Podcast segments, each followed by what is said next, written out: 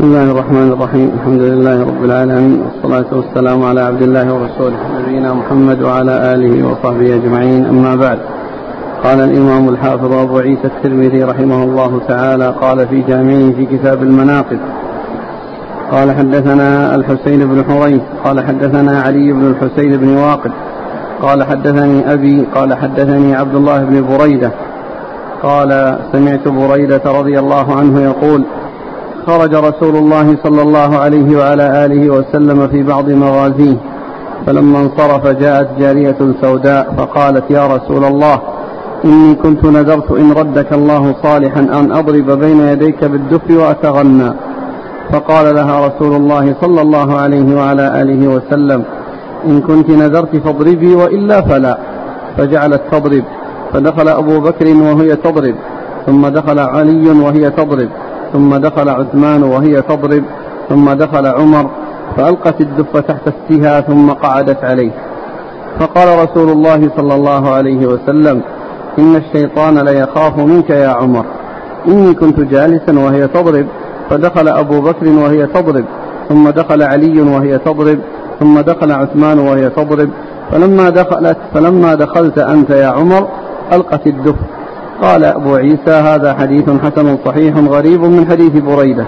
وفي الباب عن عمر وسعد بن أبي وقاص وعائشة رضي الله عنهم أجمعين. بسم الله الرحمن الرحيم. الحمد لله رب العالمين. وصلى الله وسلم وبارك على عبده ورسوله نبينا محمد وعلى آله وأصحابه أجمعين. أما بعد هذا الحديث عن بريدة بن حصيب رضي الله عنه. أورده الترمذي رحمه الله في مناقب عمر بن الخطاب رضي الله عنه وذلك لما فيه من من آه، بيان ما كان عليه من الهيبة وأنه كان مهيبا وأنه كان يخشاه يعني بعض الناس لهيبته ولقوته وكونه قويا آه، مهيبا رضي الله عنه وأرضاه. وهذا الحديث يقول بريدة خرج النبي صلى الله عليه وسلم في بعض مغازيه فنذرت جارية إن رده الله سالما ضريا صالحا أنها تضرب على رأسه بالدف وتتغنى. فلما قدم قالت له تلك الجارية إني نذرت أن أفعل كذا وكذا. فقال عليه الصلاة والسلام إن كنت نذرت فافعلي وإلا فلا تفعلي. كنت نذرت فافعلي وإلا فلا تفعلي. فضربت على رأسه بالدف ثم دخل أبو بكر وعثمان وعلي وهي على ما هي عليه. ولما دخل عمر آه، هابته وجعلت الدف تحت مقعدتها وقعدت عليه. قعدت عليه والرسول صلى الله عليه وسلم قال ما ما سلكت؟ إن الشيطان ليخاف منك يا عمر. إن الشيطان لا يخاف منك يا عمر. إن الشيطان لا يخاف منك يا عمر. وهذا يدل على ما كان عليه من الهيبة وعلى ما كان عليه من الجد والقوة والنشاط وأنه كان مهيبا قويا رضي الله تعالى عنه وأرضاه. وقد سبق أن مر أن الرسول عليه الصلاة والسلام دعا الله عز وجل أن يعز هذا الدين بأحد الرجلين إما أبي إما أبو جهل عمرو بن بن هشام أو عمر بن الخطاب رضي الله عنه. فكان التوفيق والنصيب السلامة والنجاة كان لعمر بن الخطاب رضي الله عنه.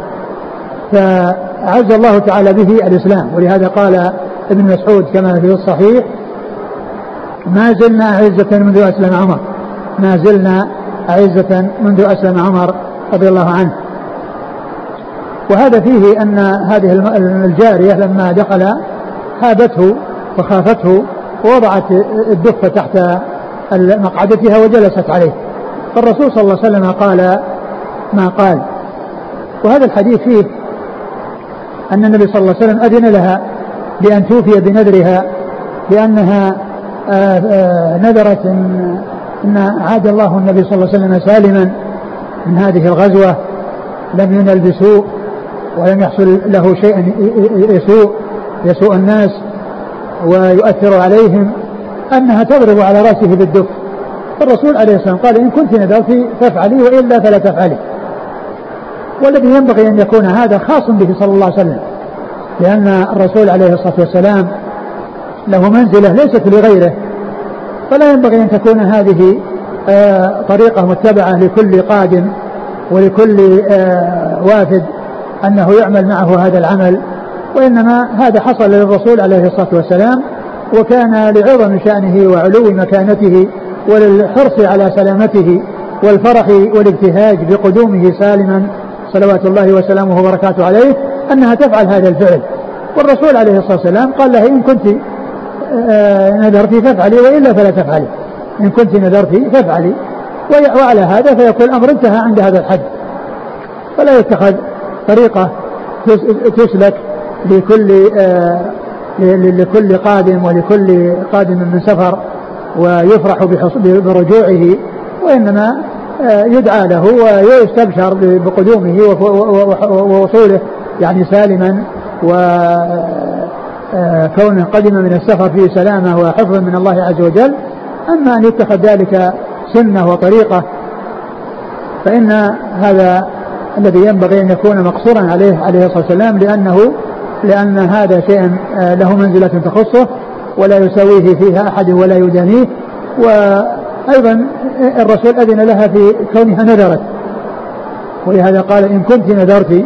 وهي قالت إني نذرت. ولكن أراد أن يبين أن الحكم منوط بنذرها. أن الحكم منوط بنذرها فيما يتعلق بهذا الفعل الذي تفعله عند قدومه صلى الله عليه وسلم. وإذا كان ما حصل لها نذر فإنها لا تفعل. وهذا يدلنا على أن الضرب بالدف إنما يستعمل فيما أذن فيه وقد جاء الإذن فيه فيما يتعلق بالزواج وقد جاء أيضا فيما يتعلق بالنسبة لفعل الأولاد الصغار يعني يوم العيد يعني كونهم يلعبون وكونهم آه، يحصل منهم. يعني مثل ما حصل بالنسبة للجاريتين اللي, اللي التي كانتا عند النبي صلى الله عليه وسلم وتغنيان. وجاء أبو بكر وقال دعهما قال صلى الله عليه وسلم دعهما يا بكر فإن فإن هذا يوم عيد. ف آه، آه، بالنسبة للعيد بالنسبة للأطفال وبالنسبة للجواري الصغيرات يتسامح في حقهن ما لا يتسامح في حق الكبار من اللهو واللعب وما إلى ذلك. نعم. قال حدثنا الحسين بن حريث هو ثقة أخرج أصحاب الكتب إلا؟ ماجه. نعم. عن علي بن الحسين بن واقد. وهو صدوق أخرج له. وقال المفرد ومسلم في المقدمة وأصحاب السنن. نعم عن أبيه. عن أبيه. وهو؟ ثقة له أوهام نعم. البخاري تعليقا ومسلم وأصحاب السنن. نعم. عن عبد الله بن بريدة. رضي الله عنه أخرج له أصحاب الكتب. عن أبيه بريدة. أخرج له أصحاب الكتب. قال وفي الباب عن عمر.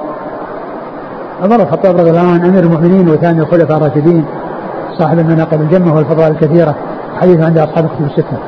وسعد بن أبي وقاص. أحد العشرة المبشرين بالجنة أخرج أصحاب الكتب الستة. وعائشة. أم المؤمنين رضي الله عنها. نعم. قال حدثنا الحسن بن صباح البزار قال حدثنا زيد بن حباب عن خارجة بن عبد الله بن سليمان بن زيد بن ثابت. قال أخبرنا يزيد بن رومان عن عروة عن عائشة رضي الله عنها أنها قالت كان رسول الله صلى الله عليه وعلى آله وسلم جالسا فسمعنا لغطا وصوت صبيان. فقام رسول الله صلى الله عليه وسلم فإذا حبشية تزفن والصبيان حولها. فقال يا عائشة تعالي فانظري فجئت فوضعت لحيي على منكب رسول الله صلى الله عليه وسلم. فجعلت أنظر إليها ما بين المنكب إلى رأسه فقال لي أما شبعت؟ أما شبعت؟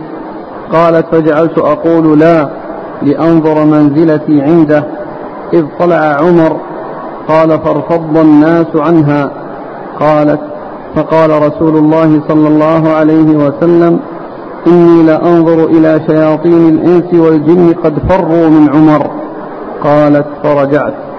قال أبو عيسى هذا حديث حسن صحيح غريب من هذا الوجه.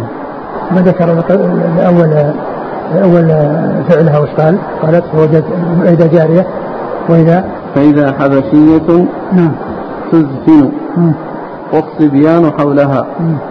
فقال يا عائشة تعالي فانظري.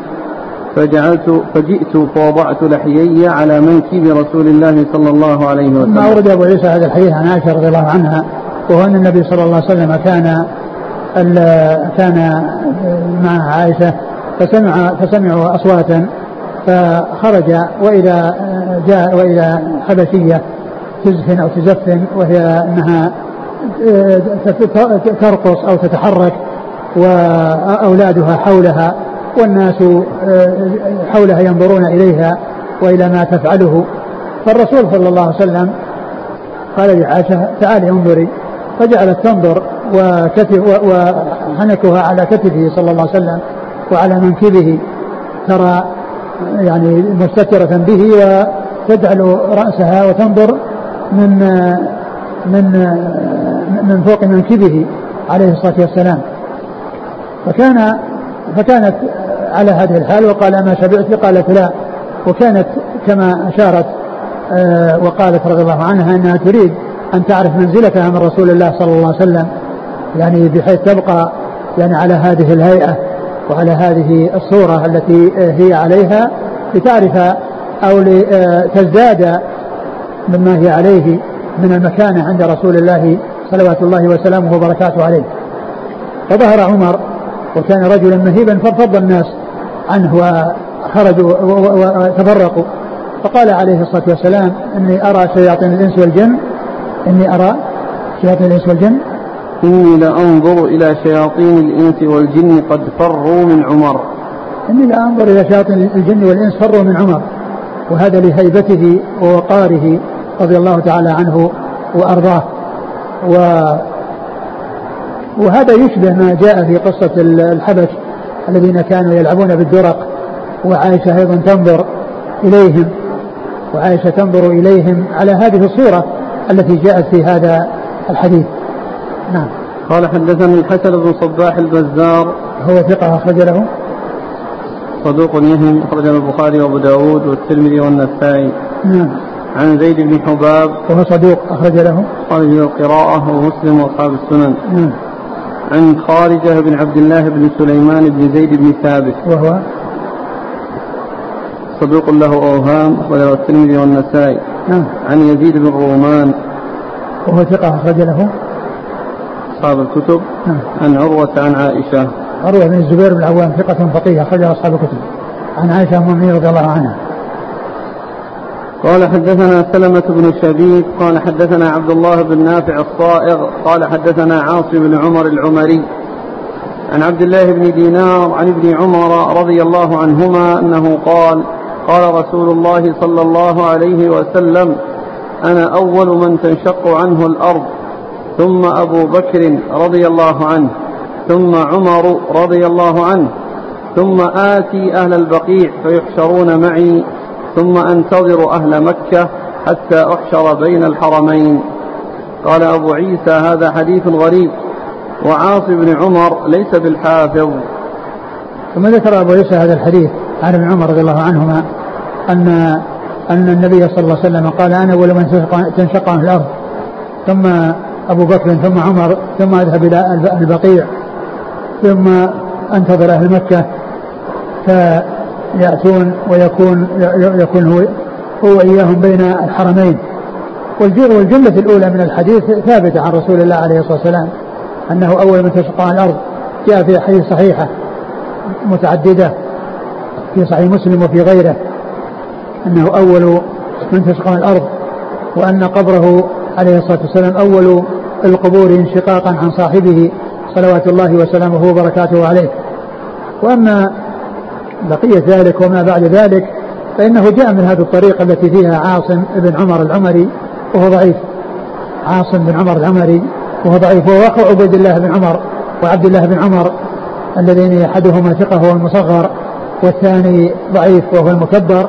فهذا أخ ثالث وهو ضعيف مثل عبد الله الذي هو المكبر. قال حدثنا سلمة بن شبيب هو ثقة أخرجه مسلم وأصحاب السنن. نعم. عن عبد الله بن نافع الصائغ وهو ثقة أخرجه البخاري في الأدب المفرد ومسلم وأصحاب السنن. نعم. عن عاصم بن عمر العمري وهو ضعيف أخرج له. الترمذي وابن ماجه. نعم. عن عبد الله بن دينار وهو ثقة أخرج أصحاب الكتب. عن ابن عمر رضي الله عنهما. قال حدثنا قتيبة قال حدثنا الليث عن ابن عجلان عن سعد بن إبراهيم عن أبي سلمة عن عائشة رضي الله عنها أنها قالت قال رسول الله صلى الله عليه وعلى آله وسلم قد كان يكون في الأمم محدثون فإن يك في أمتي أحد فعمر بن الخطاب. قال أبو عيسى هذا حديث صحيح. قال حدثني بعض أصحاب سفيان. قال قال سفيان بن عيينة محدثون يعني مفهمون. ثم ورد أبو عيسى هذا الحديث أن النبي صلى الله عليه وسلم أنه قال قد كان في الأمم قبلكم محدثون فإن يكن في أمتي أحد فإنه عمر. والمحدث هو الملهم المسدد الذي يجري الصواب على لسانه كما مر في الحديث. إن الله إن الله أظهر الحق على على لسان عمر وعلى قلب عمر ولسانه. وكذلك جاء احاديث كثيرة فيها اقتراح عمر رضي الله عنه على الرسول صلى الله عليه وسلم أشياء. ثم ينزل الوحي مطابقا لما اقترح به اقترحه. وكذلك يحصل بعض الحوادث فيشير هو بشيء ويشير غيره بشيء آخر ثم ينزل الوحي مطابقا لما أشار به عمر. ولهذا في مسائل عديدة يذكرها العلماء ويطلقون عليها موافقات عمر أي أنه من الحق من من القول الذي حصل عن عمر وقد جاء الوحي وجاء الوحي مطابقا له. وهذا في حياته صلى الله عليه وسلم وكذلك بعد وفاته عليه الصلاة والسلام كما مر الدرس الماضي عن في قصة آه، الطاعون الذي وقع في الشام حيث اجتهد ورأى أن يرجع وقد اختلف الصحابة منهم من يشير عليه بالرجوع منهم من يشير عليه بالدخول وكانت النتيجة أن رأى أنه يرجع ثم بعد ذلك تبين أن عبد الرحمن بن عوف رضي الله عنه عنده علم عن الرسول صلى الله عليه وسلم فكان هذا الذي ذكره عبد الرحمن عن النبي صلى الله عليه وسلم آه، ما حصل من عمر موافقا لسنة الرسول صلوات الله وسلامه وبركاته عليه. فهذا من الإلهام ومن التسديد الذي آه، يقذفه الله في قلب عمر فيكون موافقا الصواب رضي الله تعالى عنه وأرضاه. وهذا من مناقب عمر رضي الله تعالى عنه أنه يقول القول غالبا ويحصل موافقته للحق. لكن لا يعني ذلك أن كل قول يقوله عمر يكون الحق معه وأنه إذا اختلف مع غيره من الصحابة فإن القول قوله في كل شيء وإنما يدل على كثرة صوابه وعلى كثرة موافقته للحق رضي الله تعالى عنه وأرضاه. وإلا فإن من المسائل التي اختلف فيها أبو بكر وعمر مسألة المشركة. مسألة المشركة. فإن أبا بكر رضي الله عنه يرى أن الإخوة الأشقة ليس لهم شيء لأن المواريث استنفذت. وعمر يرى تشريك الإخوة الأشقة مع الإخوة لأم في الثلث الباقي الثلث الذي بعد أخذ الزوج وأخذ الأم فرضهما فإنه يبقى ثلث. فعلى قول أبي بكر وغيره يكون الثلث للإخوة الأم لأنهم أصحاب فروض. والله والرسول صلى الله عليه وسلم قال الحق الفرائض بأهلها فما أبقت الفرائض فلأولى رجل ذكر وأولئك عصبة ما بقي لهم شيء. وأما عمر رضي الله عنه يرى التشريك أنه يشرك بين الأخوة الأشقة والإخوة لأم يشرك بين الأخوة الأشقة والإخوة لأم ولكن الذي يظهر من حيث الدليل هو ما القول بعدم التشريك. وهو الذي يطابق قوله صلى الله عليه وسلم ويتفق مع قوله صلى الله عليه وسلم الحق الفرائض بأهلها فما أنقت الفرائض فلأولى وجه ذكر. فلا يقال أن أي مسألة يخالف فيها عمر غيره من الصحابة يكون الحق معه والخ... يعني وعدم الحق و... و... و... والخطأ مع غيره وأن غيره هو الذي يخطئ. ولكن يدل على كثرة صوابه وعلى كثرة توفيقه رضي الله عنه وأرضاه. نعم. قال حدثنا قتيبة ثقة أخرج أصحاب الكتب. عن الليث بن سعد ثقة أخرج أصحاب الكتب. عن ابن عجلان. صدوق أخرجه البخاري تعليقا ومسلم وأصحاب السنن. عن سعد بن إبراهيم. وهو ثقة أخرج أصحاب الكتب. عن أبي سلمة. بن عبد الرحمن بن عوف ثقة أخرج أصحاب الكتب. يقول فسر بعضهم المحدثين على أنهم الذين تتكلم الملائكة على ألسنتهم. هل هذا له وجه؟ والله ما أعلم شيء يدل عليه. ما نعلم شيء يدل عليه وإنما الكلام هو كلامه ليس كلام الملائكة. وإنما مفهم مفهم موفق مسدد يعني يجري الحق على لسانه لكن لا يعني قضية أن يكون الملائكة تتكلم على لسانه هذا غير غير واضح ولا نعلم شيء يدل عليه. قال حدثنا محمد بن حميد قال حدثنا عبد الله بن عبد القدوس قال حدثنا الأعمش عن عمرو بن مرة عن عبد الله بن سلمة عن عبيده السلماني عن عبد الله بن مسعود رضي الله عنه أن النبي صلى الله عليه وعلى آله وسلم قال يطلع عليكم رجل من أهل الجنة فاطلع أبو بكر رضي الله عنه. أو يطلع. نعم. كيف؟ يطلع. يطلع عليكم رجل من أهل الجنة فاطلع وهذا معنى يطلع نعم ويظهر. نعم. يطلع عليكم رجل من أهل الجنة فاطلع أبو بكر. ثم قال يطلع عليكم رجل من أهل الجنة. فاطلع عمر رضي الله عنه. وفي الباب عن أبي موسى وجابر رضي الله عنهما قال هذا حديث غريب من حديث ابن مسعود. ثم رد ابو عيسى هذا الحديث عن عبد الله بن مسعود رضي الله عنهما. وفيه أن النبي صلى الله عليه وسلم كان مع أصحابه فقال يطلع عليكم رجل من الجنة. فطلع أبو بكر ثم قال يطلع عليكم رجل من الجنة. فطلع عمر. ولا شك أنهما من أهل الجنة وقد جاءت الأحاديث في ذلك عن رسول الله عليه الصلاة والسلام.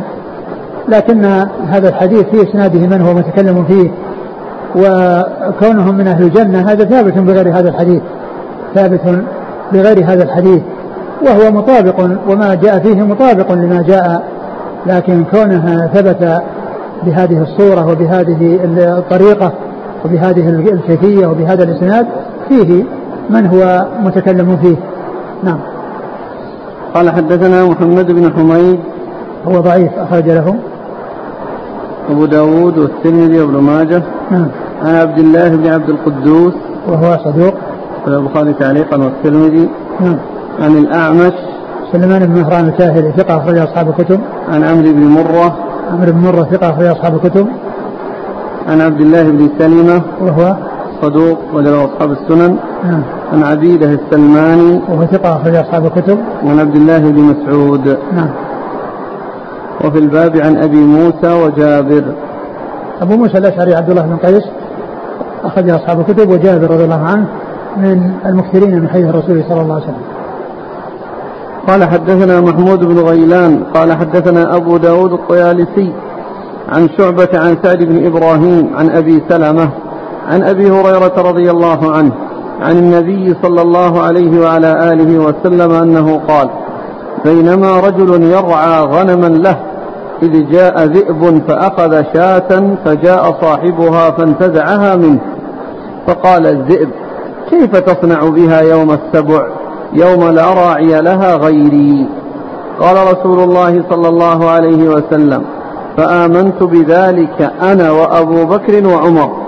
قال أبو سلمة وما هما في القوم يومئذ. قال حدثنا محمد بن بشار قال حدثنا محمد بن جعفر قال حدثنا شعبة عن سعد بن إبراهيم نحوه. قال أبو عيسى هذا حديث حسن صحيح.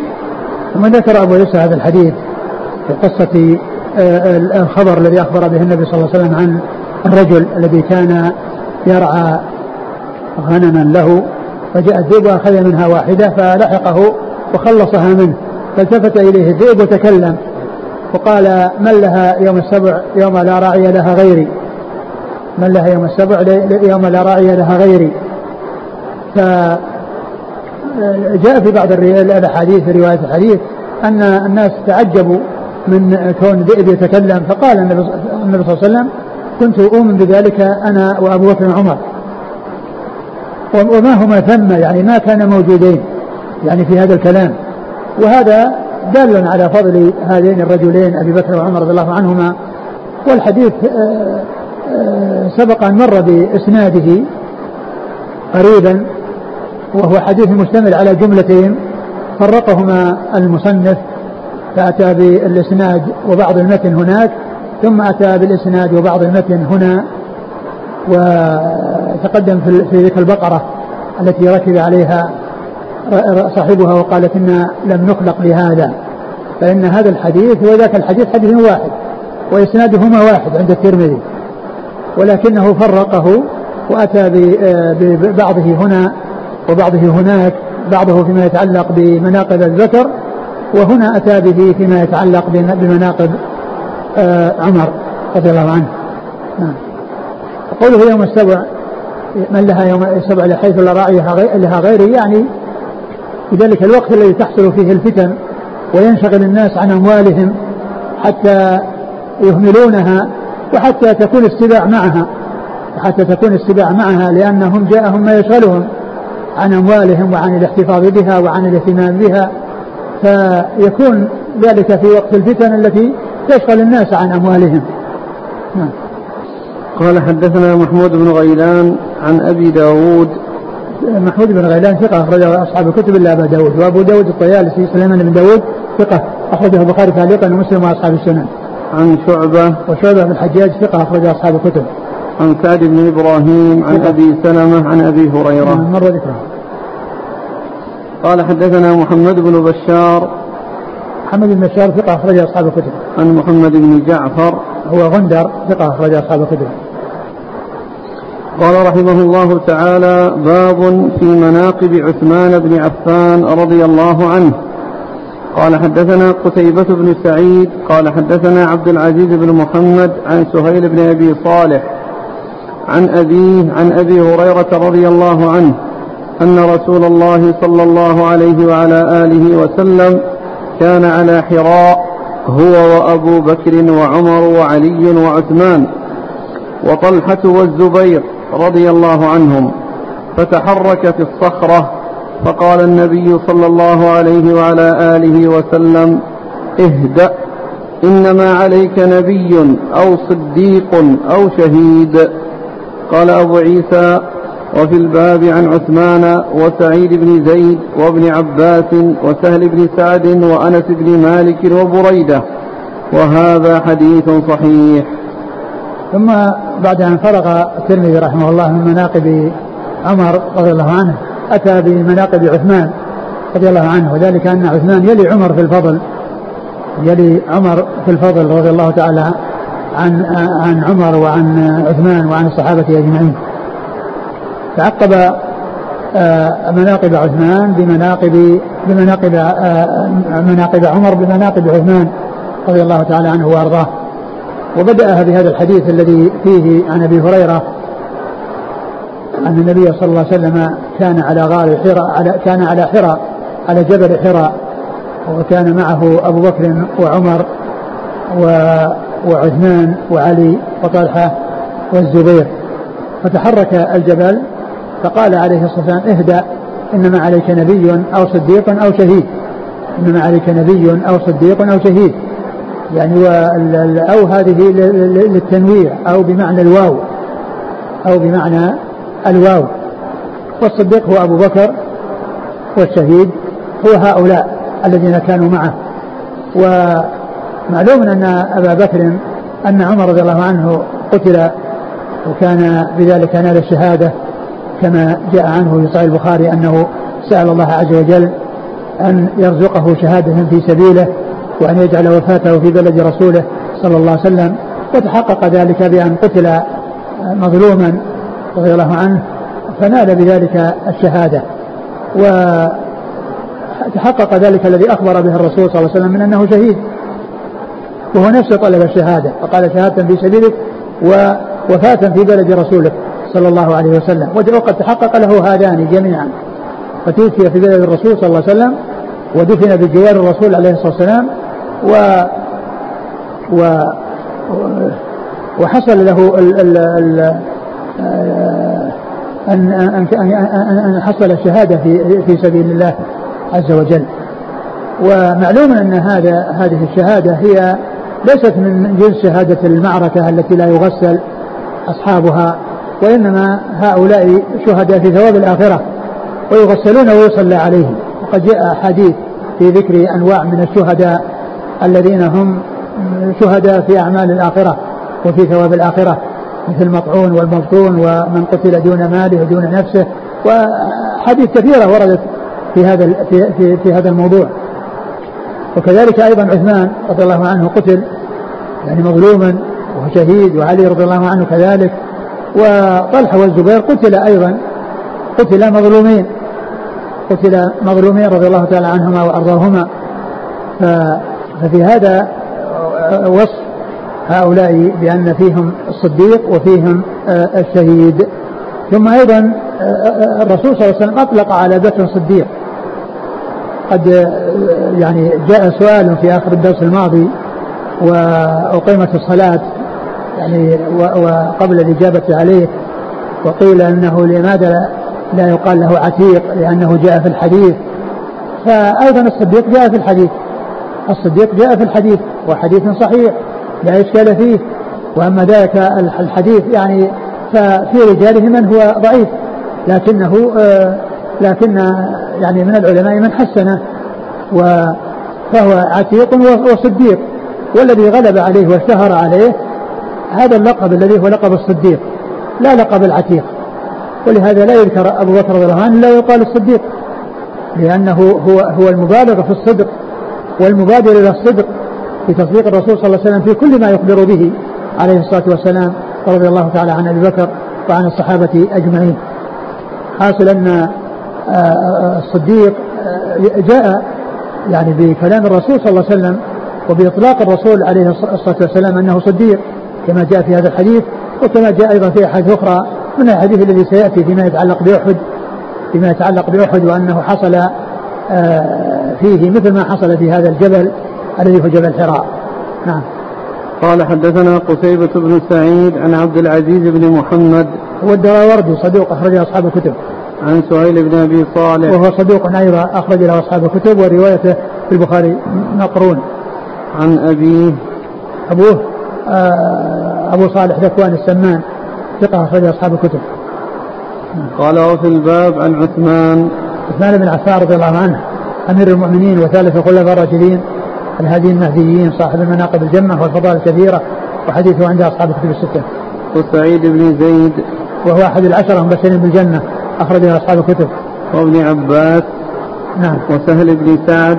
سهل بن سعد الساعدي أخرج أصحاب الكتب. وأنس بن مالك. خادم الرسول عليه الصلاة والسلام. وبريدة. وبريدة بن الحصيب رضي الله عنه.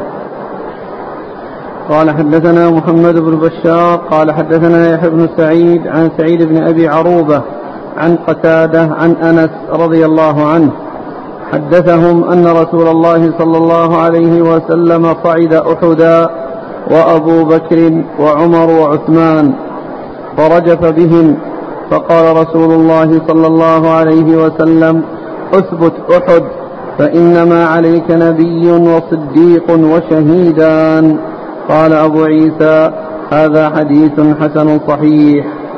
ثم ذكر أبو عيسى هذا الحديث عن أنس رضي الله عنه هو مثل الحديث السابق لأن ذاك في حراء وهذا في أحد وذاك فيه آه، عدد أكثر وهذا فيه أبو بكر وعمر وعثمان.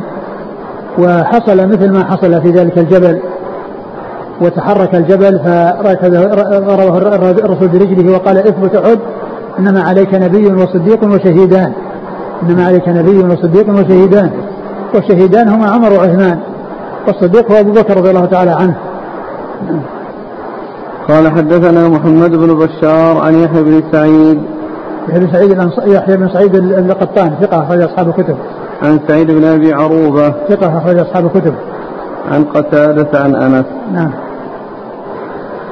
قال حدثنا أبو هشام الرفاعي قال حدثنا يحيى بن اليمان عن شيخ من بني زهرة عن الحارث بن عبد الرحمن بن أبي ذباب عن طلحة بن عبيد الله رضي الله عنه أنه قال قال النبي صلى الله عليه وسلم لكل نبي رفيق ورفيقي يعني في الجنة عثمان.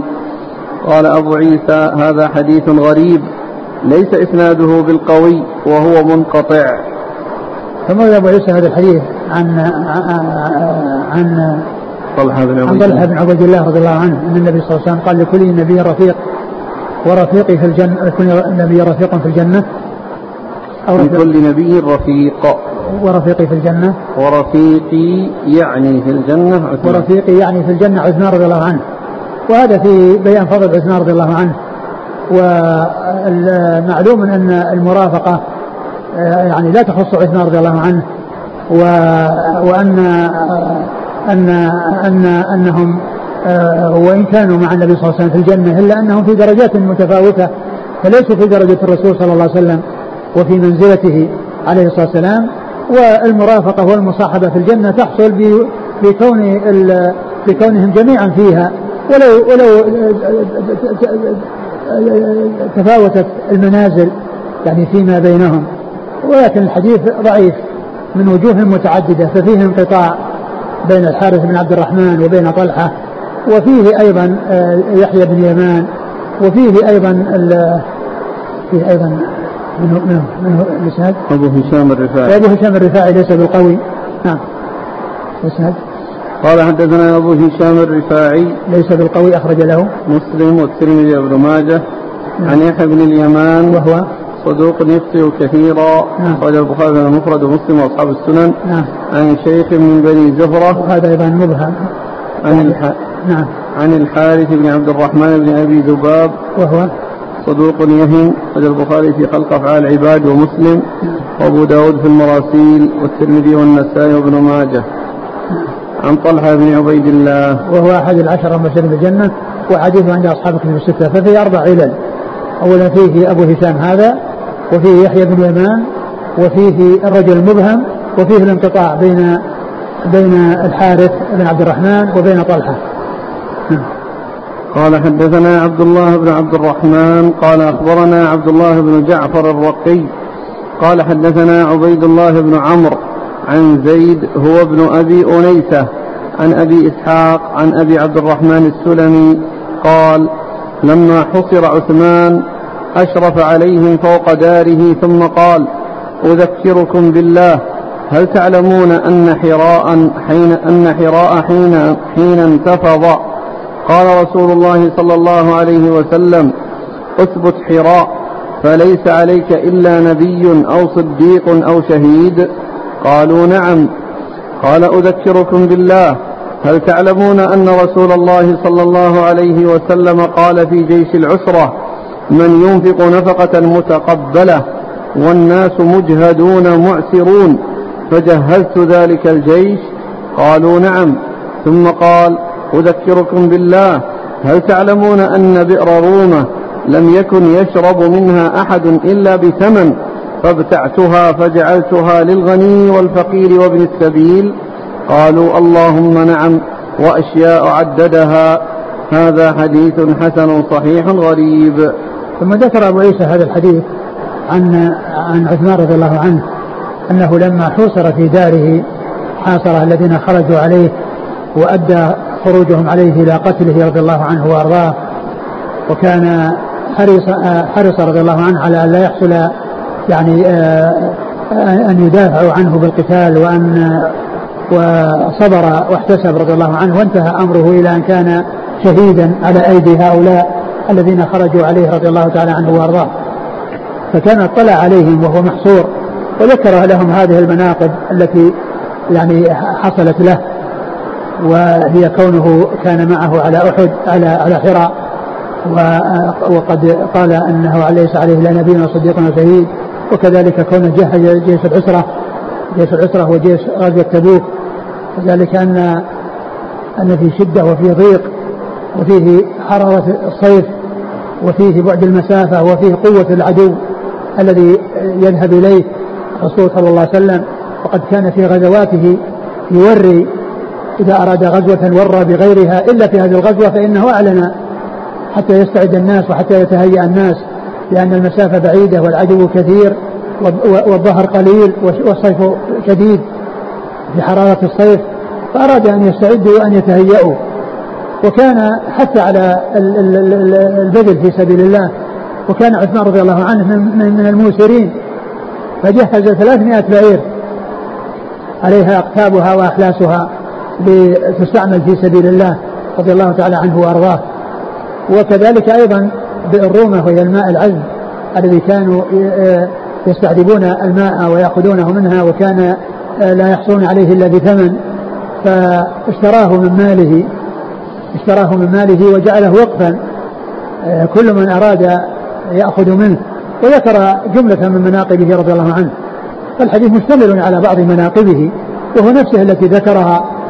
وهذا إنما قال ذلك ليبين لهم يعني آه، منزلته و وقد آه، ولعلهم أن يتركوا ما حصل منهم من الخروج عليه مع أنه منع الصحابة رضي الله عنهم عنه وعنهم من الدفاع عنه وعن أن يقاتلوا. فحصل ما حصل وانتهى الأمر إلى ما انتهى إليه حيث قتل شهيدا في داره رضي الله تعالى عنه وأرضاه. فهذا مشتمل على جملة من مناقبه. وفي هذا يعني دليل على أن أن الحجة إنما تظهر عند الحاجة إليها لأنه ما ذكر هذه المناقب عن نفسه إلا لما جاءت المناسبة. لما جاءت المناسبة وهي كونهم حصروه فأراد أن يبين لهم شيئا من مناقبه ليتركوه وليذهبوا ويتفرقوا ويحصل منهم آآ آآ يحصل السلامة من من من من, من منهم بتفرقهم ولكنهم ما نفعهم ذلك بل استمروا على ما هم عليه حتى أدى ذلك آه، آه، إلى قتله رضي الله عنه. ومثل هذا ما جاء في قصة الأنصار يوم حنين لما جاء الرسول عليه الصلاة والسلام لما سمع أنه في أنفسهم شيء ثم تكلم معهم قال لم آتكم ضلالا فهداكم الله بي؟ ألم آتكم متفرقين وجمعكم الله بي؟ ألم آتكم كذا؟ ألم آتكم كذا؟ فذكر الشيء الذي حصل منه لهم عليه الصلاة والسلام. ثم قال يعني الكلام الذي طيب خواطرهم و آه، وبين فضلهم أي فضل الأنصار آه، مما طابت به نفوسهم وصار كلامه لهم أعظم من الغنائم التي فاتتهم ولم تحصل لهم رضي الله تعالى عنهم وأرضاهم. نعم. قال حدثنا عبد الله بن عبد الرحمن. هو الدارمي وهو ثقة أخرجه مسلم. وأبو داود والترمذي. نعم. عن عبد الله بن جعفر الرقي. وهو؟ ثقة أخرج أصحاب الكتب. نعم. عن عبيد الله بن عمرو. وهو ثقة أخرج أصحاب الكتب. عن زيد هو ابن أبي أنيسة. ثقة أخرج أصحاب الكتب. عن أبي إسحاق. الهمداني عبد بن عبد الله الهمداني السبيعي ثقة أخرج أصحاب الكتب. عن أبي عبد الرحمن السلمي. وهو عبد الله بن حبيب. ثقة أخرج أصحاب نعم. عثمان بن عفان رضي الله عنه. نعم. قال حدثنا محمد بن بشار قال حدثنا أبو داود قال حدثنا السكن بن المغيرة ويكنى أبا محمد مولى لآل عثمان. قال حدثنا الوليد بن أبي هشام عن فرقد أبي طلحة عن عبد الرحمن بن خباب رضي الله عنه أنه قال شهدت النبي صلى الله عليه وآله وسلم وهو يحث على جيش العسرة فقام عثمان بن عفان رضي الله عنه فقال يا رسول الله علي مئة بعير بأحلافها وأقتابها في سبيل الله ثم حض على الجيش فقام عثمان بن عفان فقال يا رسول الله علي مئة بعير بأحلافها وأقتابها في سبيل الله. ثم حض على الجيش فقام عثمان بن عفان فقال يا رسول الله علي ثلاثمائة بعير بأحلافها وأقتابها في سبيل الله. فأنا رأيت رسول الله صلى الله عليه وسلم ينزل عن المنبر وهو يقول ما على عثمان ما عمل بعد هذه. ما على عثمان ما عمل بعد هذه. قال أبو عيسى هذا حديث غريب من هذا الوجه. لا نعرفه إلا من حديث السكر بن المغيرة. وفي الباب عن عبد الرحمن بن سمرة رضي الله عنه. ثم ذكر أبو عيسى هذا الحديث عن عبد الله بن خباب رضي الله عنه وهو يتعلق بتجهيز عثمان رضي الله عنه جيش الأسرة. وأنه آه، قدم ثلاثمائة بعير عليها أحلاسها وأقتابها في سبيل الله. والأحلاس هي ما يوضع على ظهر البعير تحت تحت ال تحت الركاب الذي هو ما يوضع على سنامه ليثبت عليه الراكب ويقعد عليه الراكب. فيكون بين هذا الذي يكون من الخشب يعني الذي هو الرحل. تحته شيء من القماش أو من الشيء اللين الذي يحول بين أو يكون بين هذا القتب أو يعني هذا الرحل وبين ظهر البعير حتى يكون أسهل له وحتى لا يؤثر فيه آه، الرحل الذي هو يكون يصنع من الخشب. فالمقصود أن ان ان أن عثمان رضي الله عنه هيئ 300 بعير بوسيله الركوب وما يحتاج إليه في الركوب هو القتب والركاب الذي يوضع عليه الرحل الذي الذي يوضع على البعير ويركب عليه الراكب معناه أنه جاهز للاستعمال. يعني ما على من هو بحاجة إلى الركوب إلا أن يأتي ويركب. ما في حاجة إلى أن يبحث عن رحل. حتى يضعه على البعير بل جهز البعير برحله واحلاسه رضي الله تعالى عنه وأرضاه. المقصود بذلك أنه اولا أتى ب 100 ثم قال 200 يعني مع المئة الأولى ثم 300 يعني أنها مجموع ما تقدم وليس المقصود أنها تصير 600 وقد جاء بيان ذلك في بعض الأحاديث الصحيحة أنه قال 100 ثم أتى ب 100 ثم أتى ب 100 وانتهى عند 300 وجاء في بعض الروايات ذكر المجموع بدون التفصيل. يعني ذكر المجموع اللي هو 300 بدون التفصيل كما يعني مر في الحديث السابق. ف فهذا يتعلق بجود عثمان رضي الله عنه وعلى بذله في سبيل الله وعلى إنفاقه في سبيل الله وأن الصحابة رضي الله عنهم وأرضاهم من كان منهم مثريا ومن كان منهم موسرا فإن ثراءه ويسار ويساره إنما يبذله في سبيل الله عند الحاجة رضي الله تعالى عنهم وأرضاهم. ثم قال ما على ما عثمان ما فعل بعد اليوم؟ يعني انه مثل ما قوله صلى الله عليه وسلم فيما يتعلق بأهل بدر وما يدريك الله طلع على بدر فقال اعملوا ما شئتم فقد غفرت لكم. وهذا يدل على أن آه، عمر أن عثمان رضي الله عنه يكون مستقبله أنه يكون مسددا وأنه يكون على خير وعلى سلامة. نعم. قال حدثنا محمد بن بشار عن أبي داود عن السكن بن المغيرة. وهو؟ صدوق رواه الترمذي. نعم. عن الوليد بن أبي هشام. وهو؟ صدوق رواه مسلم وأصحاب السنن. نعم. عن فرقد. وهو؟ مجهول أخرج له أخرج له الترمذي. نعم. عن عبد الرحمن بن خباب. عبد الرحمن بن خباب. صحابي أخرج له الترمذي نعم. الحديث في إسناده الرجل مجهول لكنه موافق لما جاء في الأحاديث الأخرى التي جاءت في آه، آه، ثبوت إنفاقه في سبيل الله وأنه جهز ل 300 بعير لأنه مطابق لما لما تقدم ولما سيأتي. نعم. قال حدثنا محمد بن إسماعيل قال حدثنا الحسن بن واقع الرملي قال حدثنا ضمرة بن ربيعة عن عبد الله بن شوذب عن عبد الله بن القاسم عن كثير مولى عبد الرحمن بن سمرة عن عبد الرحمن بن سمرة رضي الله عنه أنه قال جاء عثمان إلى النبي صلى الله عليه وآله وسلم بألف دينار. قال الحسن بن واقع وكان في موضع آخر من كتابي في كمه حين جهز جيش العسرة فينثرها في حجره. قال عبد الرحمن فرأيت النبي صلى الله عليه وآله وسلم يقلبها في حجره ويقول ما ضر عثمان ما عمل بعد اليوم مرتين. قال أبو عيسى هذا حديث حسن غريب من هذا الوجه. وهذا أيضا فيه آه، بيان إنفاق عثمان رضي الله عنه في سبيل الله وفي جيش العسرة وذلك أنه أنفق يعني بذل المال من النقود ومن الرحل ومن الرواحل التي يركب عليها والظهر الذي يركب عليه. فجهز له 300 بعير وأتى بهذا المبلغ من المال الذي هو ألف دينار الذي هو ألف دينار لينفق به في سبيل الله.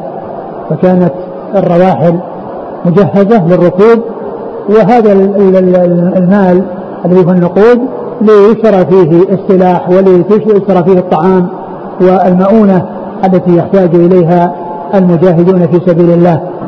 فهذا من من جملة أو من أمثلة سخائه وجوده وبذله في سبيل الله رضي الله تعالى عنه وأرضاه. أعد المتن. قال جاء عثمان إلى النبي صلى الله عليه وسلم بألف دينار. قال الحسن بن واقع وكان في موضع آخر من كتابه في كمه. لأنه ذكر أنه في آه، آه، آه، الحسن بن واقع هذا يعني في كتابه في في موضعين موضع فيه أنه أتى بها ونثرها وفي موضع آخر ذكر المكان الذي هي فيه الذي كان أتى بها فيه وهي كمه الوعاء الذي كان قد جعلها فيه فنثرها في فنثرها في حجره صلى الله عليه وسلم.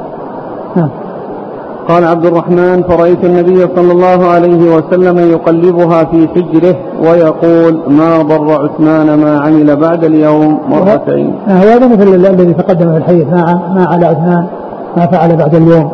نعم. قال حدثنا محمد بن إسماعيل. هو البخاري. اخرج آه، هو البخاري نعم. عن الحسن بن واقع الرملي. هو. ثقة البخاري في المفرد والترمذي. عن ضمرة بن ربيعة. وهو. صدوق يهم قليلا. أخرج البخاري في المفرد والترمذي. نعم. عن عبد الله بن شوذب. نعم وهو؟ صدوق. أخرج البخاري في المفرد وأصحاب السنن. نعم. عن عبد الله بن القاسم. وهو؟ صدوق. أخرجه الترمذي. نعم. عن كثير مولى عبد الرحمن بن سمرة. وهو؟ مقبول. أخرجه أبو داود والترمذي والنسائي بن ماجه في التفسير. نعم. عن عبد الرحمن بن سمرة. رضي الله عنه أخرجه أصحاب الكتب. قال حدثنا أبو زرعة قال حدثنا والله, والله تعالى أعلم وصلى الله وسلم وبارك على نبينا ورسوله نبينا محمد وعلى آله وأصحابه أجمعين.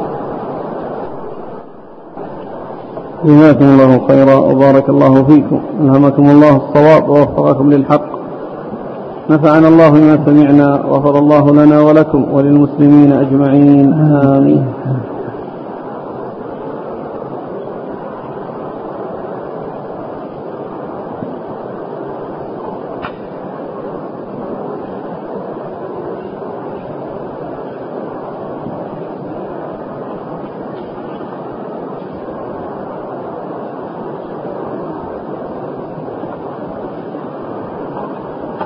الأسئلة كثيرة عنه الحديث الأول في مسألة الدف وسماع الغنى.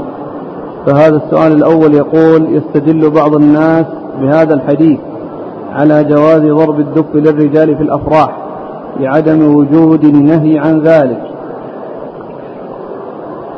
ما جاء ضرب الدف إلا مضافا إلى النساء. بالنسبة لل بالنسبة للزواج وكذلك بالنسبة لهذه القصة بالذات فإن الذي فعل ذلك امرأة. وما نعلم شيئا يدل على أنه فعله رجال. وهذا يقول حفظك الباري يقول بعض العلماء إن الدف أقل ما يقال فيه الكراهة وإلا لما جاز أن توفي بنذرها لو كان محرما. فما رأيكم؟ على كل هو هو ال كما كما يعني آه، أجيز للنساء في الأعراس فإنه أجيز لهذه المرأة في هذه الحالة التي فيها إظهار فرحها وسرورها لأن ذاك فرح بالأعراس بالعرس وهو جاء ثبوته في حق النساء. وكذلك أيضا بالنسبة لهذه المرأة فرح بمقدم الرسول صلى الله عليه وسلم سالما يعني آه، غانما عليه الصلاة والسلام. فال فالمنع هو ممنوع منه. هو ممنوع منه. ولهذا يعني آه، آه، والأصل في والأصل هو المنع من الاستعمال آه، له إلا فيما ورد مقدارا وكمية. وذلك بأن أنه يكون للنساء ويكون في الأعراس. وهذه المرأة جاء في هذا النور الذي ندرته فلولا أنه آه،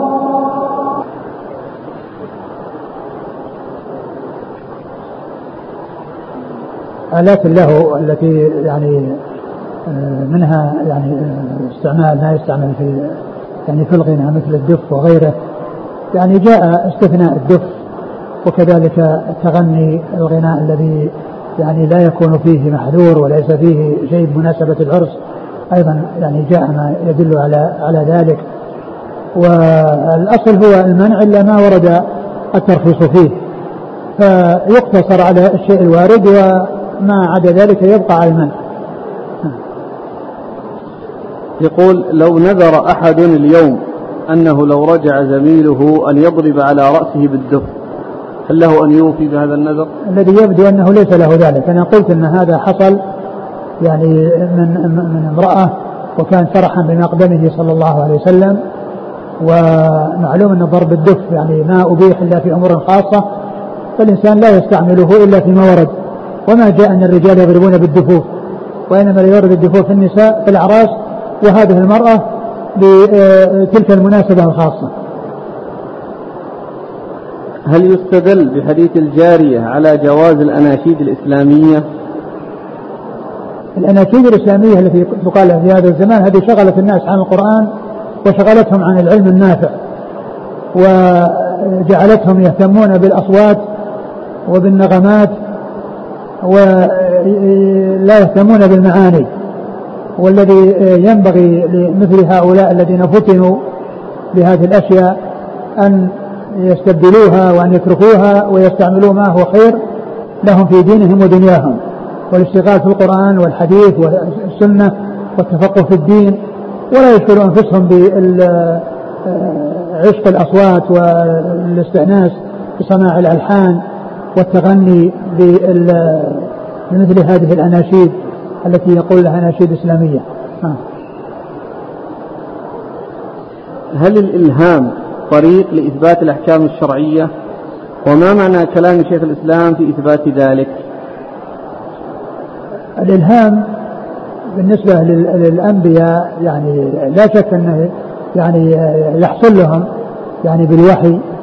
وأما كون غيرهم آه، إذا ألهم شيئا يقال إنه حكم شرعي نعم إذا وافق إذا وافق هذا يقال إنه توفيق. ولا يقال إنه يثبت به حكم الحكم ثابت بدونه الحكم ثابت بغيره لكنه تبين أن من حصل له ذلك حصل له سداد وحصل له توفيق وأنه آه، يرى الشيء الذي يكون موافقا للحق. أما كون إنسان آه، مسألة مسائل يعني ينقدح في ذهنه معنى من المعاني ويقول هذا إثبات الأحكام الشرعية لا تثبت الأحكام الشرعية إلا بكلام الله وكلام رسوله صلى الله عليه وسلم. ما تثبت بما يحصل لشخص أو لأشخاص. من شيء آه، يقع في نفوسهم أن هذا هو الحق والصواب. يقول ما المقصود بشياطين الإنس الحديث لما قال فارفض يعني يمكن يمكن الناس الذين الذين يحبون اللهو أو يرغبون اللهو ومعلوم أن الإنس لهم شياطين والجن لهم شياطين. يقول أنا يا شيخ أحيانا أقوم بلعن من يلعن أبا بكر وعمر الخطاب. فهل فعلي صحيح؟ أم أدعو لهم بالهداية؟ أدعو لهم بالهداية. أقول أدعو لهم بالهداية. وقد يكون يعني هذا الذي يحصل منه اللعن قد يهديه الله عز وجل فيكون ليس من أهل اللعن. يقول ذكر شيخ الإسلام في مجموع الفتاوى أن ما حصل من عمر في قصة يا سارية الجبل يا سارية الجبل إنما هو إيصال من الجن. أي أن الجن هم الذين أوصلوا الصوت من عمر في المدينة إلى سارية هل هذا الكلام صحيح؟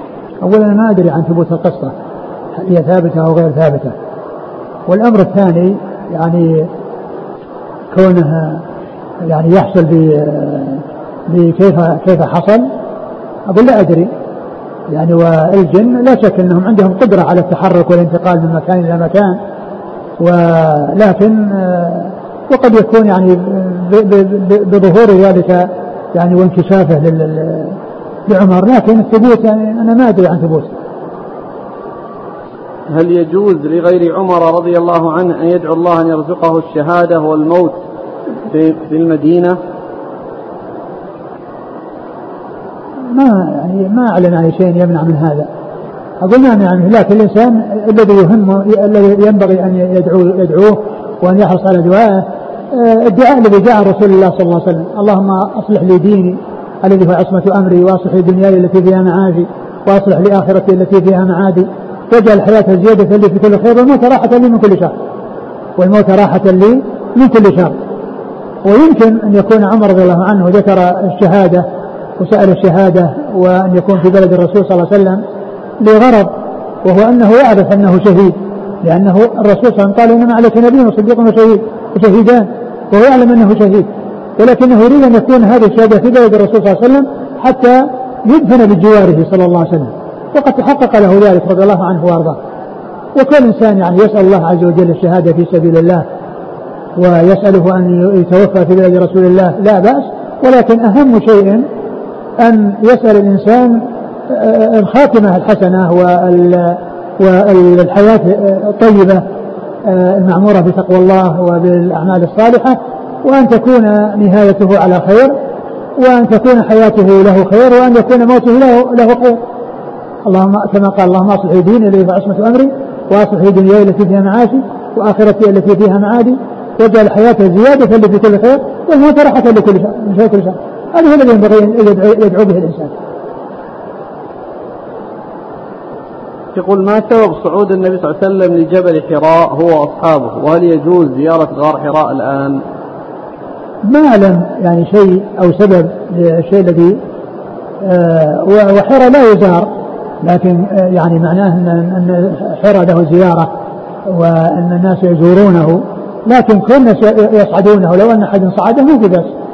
لا نعلم شيء يمنع صعوده وأما كونه يزار يجوز صعوده جواز يجوز لكن ما يقال أنه سنة. يقول آه، وفقكم الله ما حكم ما يسمى بكذبة إبريل؟ والله الكذب يعني كما هو معلوم. يعني آه، ما دام انه أطلق عليها كذب أو إنها كذبة فهو واحدة من الكذب. والكذب يترك. جزاكم الله خيرا. سبحانك الله وبحمدك أشهد أن لا إله